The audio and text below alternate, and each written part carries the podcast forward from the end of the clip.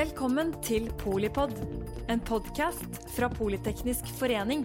Et kunnskapsbasert medlemsnettverk for bærekraftig teknologi og samfunnsutvikling.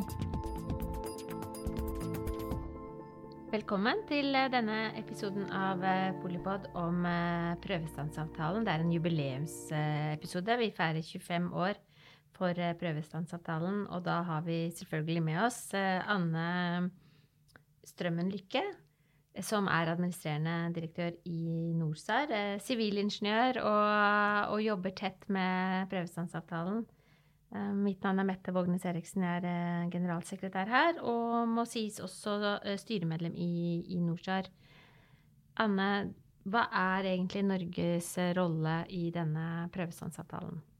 Norge er et av 187 land som er enige om at man skal ikke prøvesprenge atombomber.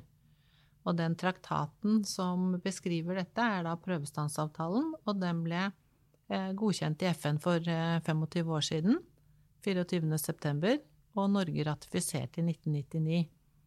Og det som skjedde da, var at NORSAR ble oppnevnt som Norsk nasjonalt datasenter.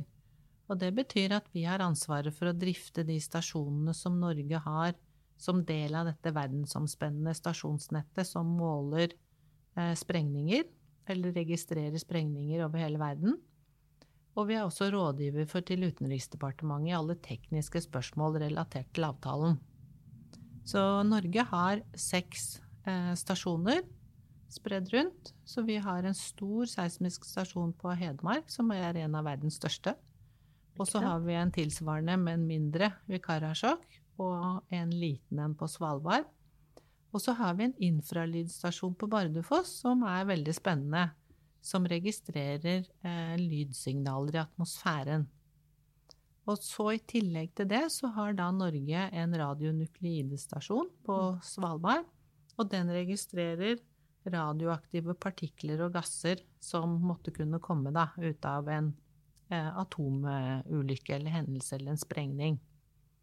Det nettverket ellers har også hydroakustiske stasjoner som registrerer sprengninger under vann. Det ble det ikke mulig for Norge å etablere eh, da stasjonsnettverket ble etablert en gang i, i tiden, under den kalde krigen. Mm.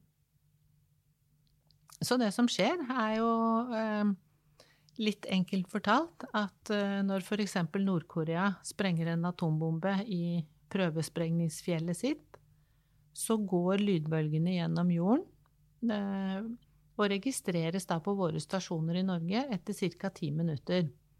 Det samles automatisk inn data, og så kommer de inn til vårt prosesseringssenter på Kjeller. Og det er automatisk alarmering. Så da, etter et lite minutt ekstra, så har vi det signalet på PC-en, og alarmen går hos oss. Og da kan vi sprette opp og se at eh, det er sant. Eh, og orientere da, Utenriksdepartementet og, og, andre interessenter på at det faktisk har vært en prøvesprengning av atombomber i Nord-Korea. Og det er jo ikke da avtale... Nei, det er jo ikke sprengninger som er eh, sånn sett varslet, eller eh, Så det hender du er først ute? Ja, det hender vi er først mm. ute. Og det som er spesielt med, med Nord-Korea og, og, dette verifikasjonsregimet, det var jo at det egentlig var satt opp for å avdekke prøvesprengninger i skjul. Uh, landene prøv, uh, testet jo ut sine våpensystemer i hemmelighet. Mm. Uh, så det var sånn systemet er designet til å ta, mens Nord-Korea snudde på en måte gamet trill rundt, for de skrøt av at de hadde atombomber, og ingen trodde egentlig på det til å begynne med. Men så kan man med dette systemet da faktisk si jo, de har det. Og de har sprengt seks uh, atombomber, den siste i 2017. Og den var kjempesvær. Og nok ingen tvil om at det var en hydrogenbombe. Heldigvis er ikke dette noe vi tenker på lenger. Jeg, jeg var jo livredd atomvåpen i uh, uh, ja, min ungdom, for å si det sånn. Men, men, er det grunn til bekymring nå, selv om vi ikke er på en måte eh, livredde i det daglige? Ja, det er veldig fint at vi ikke er livredde i det daglige. Og, og det er også veldig fint at eh, prøvestansavtalen virker. For det er, jo, det er jo bare Nord-Korea som har prøvesprengt de siste mange årene. Og etter at avtalen eh, ble, eh, ble eh, godkjent i FN, så sprengte India og Pakistan en runde hver, eller to runder hver. Og Nord-Korea, da. Men for øvrig så jo, har jo prøvesprengningene sluttet. Men så må jeg jo kanskje si at jeg må innrømme at jeg er litt bekymret innimellom. Vi ser jo noen skumle tendenser. Altså, vi vet jo at de Eh, landene som har atomvåpen, videreutvikler sine systemer og holder dem ved like og oppgraderer dem med ny teknologi. Mm. Eh, det er jo ikke så lenge siden det, eh, det svevet beskyldninger rundt om at man prøvesprengte små ting for å utvikle slagmarkvåpen, f.eks.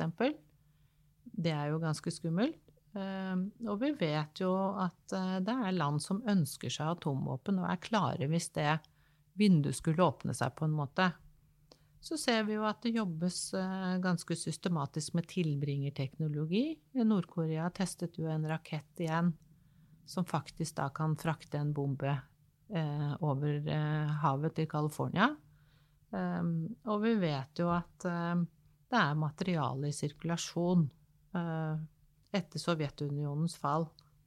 Og så ser vi jo på kanskje avveie, må på avveie, si det. Ja, må kunne si at det er på avveie. og, og og det er jo skummelt å se hvor fort ting kan endre seg, f.eks. i Afghanistan, hvor man ser at det er våpen og ting som kanskje da faller i feil hender. Mm. Så jeg ønsker meg egentlig en bevissthet rundt at atomtrusselen fremdeles er reell. Eh, hvis det skulle gå galt, så går det så fryktelig galt. Så det er vel en sånn eh, trussel med lav sannsynlighet, men høyt potensial. Så jeg tror det er viktig eh, for at avtalen skal fortsette å, å, være nyttig og virke og ha støtte, at man også tenker på det, faktisk. At dette er en, en mulig reell trussel. Ja, det er jo sånn totalutslettelse. Så eh, altså, og avtalen har vel på mange måter fungert i, i denne terrorbalansen, da, til tross for at den ikke er ratifisert av, eh, av alle atommaktene, så, den, eh, så har den jo fungert vi feirer 25 år, og, og um, vi skal vel forhåpentligvis Den skal vel både bli ratifisert av alle og leve i 25 år og, og, og, minst så lenge fremover. Men er det ikke um, Er det noe ved avtalens Skal du si um, Altså prosessen da rundt avtalen som gjør at den, at den også egner seg for å, å sikre fred fremover? Jeg må jo si at avtalen er veldig spesiell fordi den har dette fysiske verifikasjonsregimet knyttet til seg. sånn at det er et internasjonalt eh, nettverk av stasjoner, så ingen kan sprenge noe sted, verken eh, til lands eller til vanns eller i luften med, mm. uten at eh, minst to traktatparter ser det samtidig. Og det gjør jo at det er en uavhengighet rundt verifikasjonen av en prøvesprengning som gjør at eh, beskyldninger virker ikke. Eh, og mistanker mm. virker ikke, for mm. dette er det mange som faktisk da objektivt sett kan registrere og verifisere at eh, hva som er faktisk sant. Det er et ganske unikt system eh, rundt denne prøvestansavtalen, og det er også ganske unikt at forskere da verden over samarbeider på tvers av eh, allianser og politiske skillelinjer med å videreutvikle og opprettholde systemet. Og det er jo en sånn tillitsskapende aktivitet som mm. gjør at jeg har stor tro på at prøvestansavtalen kommer til å vare. Ja, og så er det jo alltid det med Er det for godt til å være sant, på en måte? Sånn den fungerer, og glemmer vi det, legger vi den i skuffen fordi den fungerer og, og har fungert? Eh, er det Og det er en teknologiutvikling, det er en geopolitisk endring, det har det for så vidt alltid vært. men men hvordan uh, ser du for deg at den, uh, den, tilliten er basert på det egentlig uh, teknologiske og vitenskapelige arbeidet, da, at den tilliten videreutvikles? Ja, Prøvestansavtaleorganisasjonen er jo satt opp med noen organer rundt seg som vanlig. Og et av de organene er en teknisk samarbeidsgruppe hvor alle signatarstatene møtes og diskuterer virkningene, om, virker, om, stasjonene virker bra nok, om det er noe man kan gjøre for å videreutvikle teknologien. Uh, man samarbeider faktisk om det. Mm. Og så kan man si at det er ganske langsomme prosesser, men det glir fremover. Og, og, og alle er egentlig opptatt av at uh, dette skal virke, uh, og at det skal fortsette å ha troverdighet.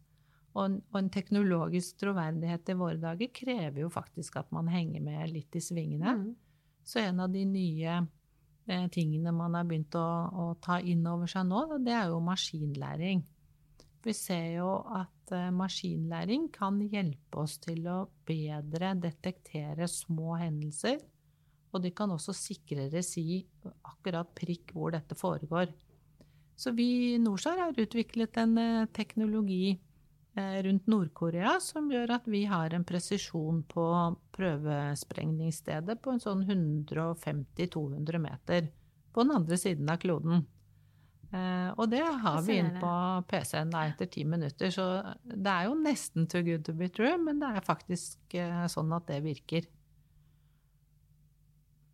Og så er det noe med Og det er jo, det er jo spisskompetanse Uh, og sikkert uh, uh, altså dette samarbeidsklimaet som har vært i, blant teknologene og blant vitenskapsfolkene i disse årene, de, de, det må jo også videreutvikles. Nå er vi i Politeknisk forening, da, og vi er jo veldig opptatt av kunnskap og kompetanseutvikling. Så, så det er klart at det å, å få nye generasjoner til å, å egentlig jobbe med dette eh, ligger jo mitt hjerte nær. Men hvordan gjøres det i, i, praksis? Alt fra type rekruttering inn i disse prosessene, sikre at det er eh, at eh, ny teknologi, nye uh, Ja, alt, alt, det som skal sikre avtalen frem til den blir ratifisert av alle, eller eventuelt sikre skal du si, en sånn de facto-avtale som ikke er uh, nødvendigvis ratifisert av alle, men også gyldig da, om, eh, for de neste 10 og 20 og 100 årene? Altså, eh, det er ikke noe tvil om at eh, prøvestansavtalen var en ganske unik eh, ting da den ble etablert, eh, som en sånn science and diplomacy-mesterverk, eh, egentlig, hvor vitenskapsfolkene hadde laget et forslag til system som var ferdig da, på det tidspunktet diplomatene var klare til å lage avtalen. Mm. Og og den, det teamet eh, verden rundt som eh, ble enige om på vitenskapelig grunnlag hvordan dette skulle se ut, de er jo nå i ferd med å bli pensjonister. Og, og sånn at både NORSAR og mange andre nasjonale datasentre er jo gjennom et generasjonsskifte nå. Sånn at det med rekruttering og få yngre forskere til å være interessert i dette, det er noe som ligger manges hjerter nær. Så Norge har tatt initiativ til å lage et uh, internasjonalt nettverk som heter Young Professionals Network, for alle forskere som er og har lyst til å bli involvert i eh, ja, hva skal vi si, bombedeteksjon, eller ja. eventdeteksjon. Og det går jo, det går jo på eh, teknologiene som er i bruk i, i prøvestansavtalen, med hovedbase da, i seismologi, som er liksom vår kjernekompetanse. Ja. Og der ser vi at vi har ehm, eh, deltakere fra over hele verden. Så nå er det liksom fra Madagaskar og USA og Kasakhstan og Norge selvfølgelig, og Europa for øvrig. Men veldig spennende nettverk som har eh, blitt etablert, og hvor de faktisk da motiverer hverandre, sånn at vi slipper å, å ja. gjøre veldig store tiltak ekstra rundt det. Og det har jeg stor tro på at blir den neste generasjonen som bringer teknologien videre. Og de er jo også selvfølgelig veldig opptatt av hva annet teknologien kan brukes til. Mm. Altså, dette må jo være noe av det aller viktigste å jobbe med, tenker jeg. Hvis du er seismolog eller hva, eller hva du nå enn er eller vil bli. Men, eh, men det er jo noe rundt um, både prosessen og, og, den etablerte det avtaleverket og teknologien som også passer veldig godt for eh, andre også ekstremt eh, si, globale trusler, da, som klima f.eks. Hvordan eh, er den Hva tenker du i forhold til både, både det tekniske, men også kanskje det litt sånn ja, prosessuelle, eller diplomacy, som du kalte det? Er det noe overførings mellom eh, prøvestansavtalen og, og andre store globale utfordringer? Ja, så vi ser vel at det er, vi ser at det er veldig mange overføringsverdier. Både, både det med prosess og hvordan man utvikler internasjonalt samarbeid og verifikasjon. Det bruker jo Norge og Utenriksdepartementet veldig aktivt i sitt øvrige nedrustningsarbeid. Og Norge har vært da initiativtaker og vært med på å starte en verifikasjonsundersøkelse eh, når det gjelder avtaler om nedrustning av atomstridshoder. Det har vakt internasjonal eh, oppmerksomhet og gjør at Norge har en sentral posisjon kunnskapsmessig og prosessmessig i nedrustningsaktiviteter. Veldig spennende, og veldig spennende for oss å få lov å bringe kunnskapen om prosessene rundt prøvestansavtalens verifikasjonsregime videre. Og så er det jo det med selve teknologien, da, Mette, som er eh, spennende. Fordi eh, når vi kan overvåke om det ryster eller sprekker opp på, i Nord-Korea når de sprenger, så kan vi også gjøre det samme for et norsk CO2-lager, f.eks. Eh, med akkurat den samme teknologien, eh, bare i mindre skala nærmere oss. Det vil jo være veldig viktig å, vite om taket eh, og integriteten til lageret og lagerområdet er i orden. Og så er det selvfølgelig det veldig mange jordskjelvutsatte land eh, driver med. Det er jo å bruke disse målestasjonene til å kartlegge jordskjelvfare og jordskjelvrisiko. Og det gjør vi som Norskjær i Norge òg. Norge er ikke veldig utsatt for jordskjelv, men eh, vi trenger å ha den oversikten for å kunne mm. bygge trygge bygg. Du forteller at vi kan overvåke um, CO2-lagre og sånn sett garantere for klimareduksjoner, eller, eller, reduksjoner i klimautslipp. Litt på samme måte som vi kan uh, overvåke at, uh, at prøvesprengninger foregår eller ikke foregår, uh, fortrinnsvis. Er det noe er det, er det, helt samme teknologi, eller er det skal du si, varianter? Det er i utgangspunktet helt samme teknologi, fordi at det man det man gjør, er jo å ha en avansert metode, en avansert eh, instrumentering som kalles array-teknologi, eh, hvor, eh, hvor, instrumentene står i et bestemt mønster, og hvor det følger med en Eller vi har utviklet en, en prosesseringspakke som gjør at man kan registrere rystelser, og også små rystelser. Og så er det sånn at en stor atombombe på den andre siden av jorden gir faktisk Altså en, en, rystelse er en rystelse. Og så kan man se forskjell på dem eh, med signaturen, sånn at man ser forskjell på en sprengning og et naturlig jordskjelv. Mm. Når det kommer til injeksjon, eh, om det er CO2 eller avfallsvann eller hva det er man injiserer, så, så vil det gi en rystelse som ligner veldig mye på den naturlige, men den vil jo komme fra et annet type dyp. Sånn at der skiller man både litt på karakter på rystelsen, og størrelsen ikke minst, men også på hvilket dyp den rystelsen er generert på. Så i utgangspunktet så er det en enorm overføringsverdi både på teknologi og på prosesseringsmetode, innsamling av data og måte å alarmere og rapportere på. Så det er ganske fascinerende eh, at den internasjonale troverdigheten som prøvestansavtalen, eh, teknologiene har, eh, kan da faktisk også bringe verdi til andre sektorer i samfunnet.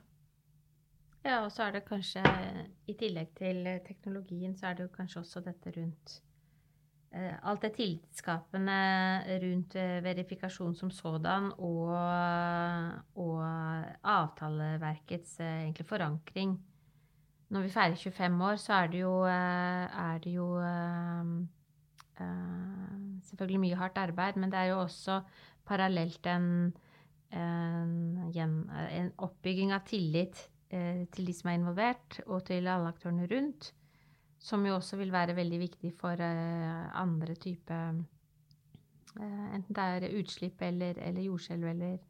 Så det er jo det er kanskje også noe eh, lytterne har lyst til å høre, da, i forhold til hvordan er det Norge jobber, og Norsar jobber, eh, rent sånn prosessmessig, eh, for å, å, sikre at den type verifikasjonssystemer ja, ikke forvitrer eller, eller, blir tatt for gitt, eller um...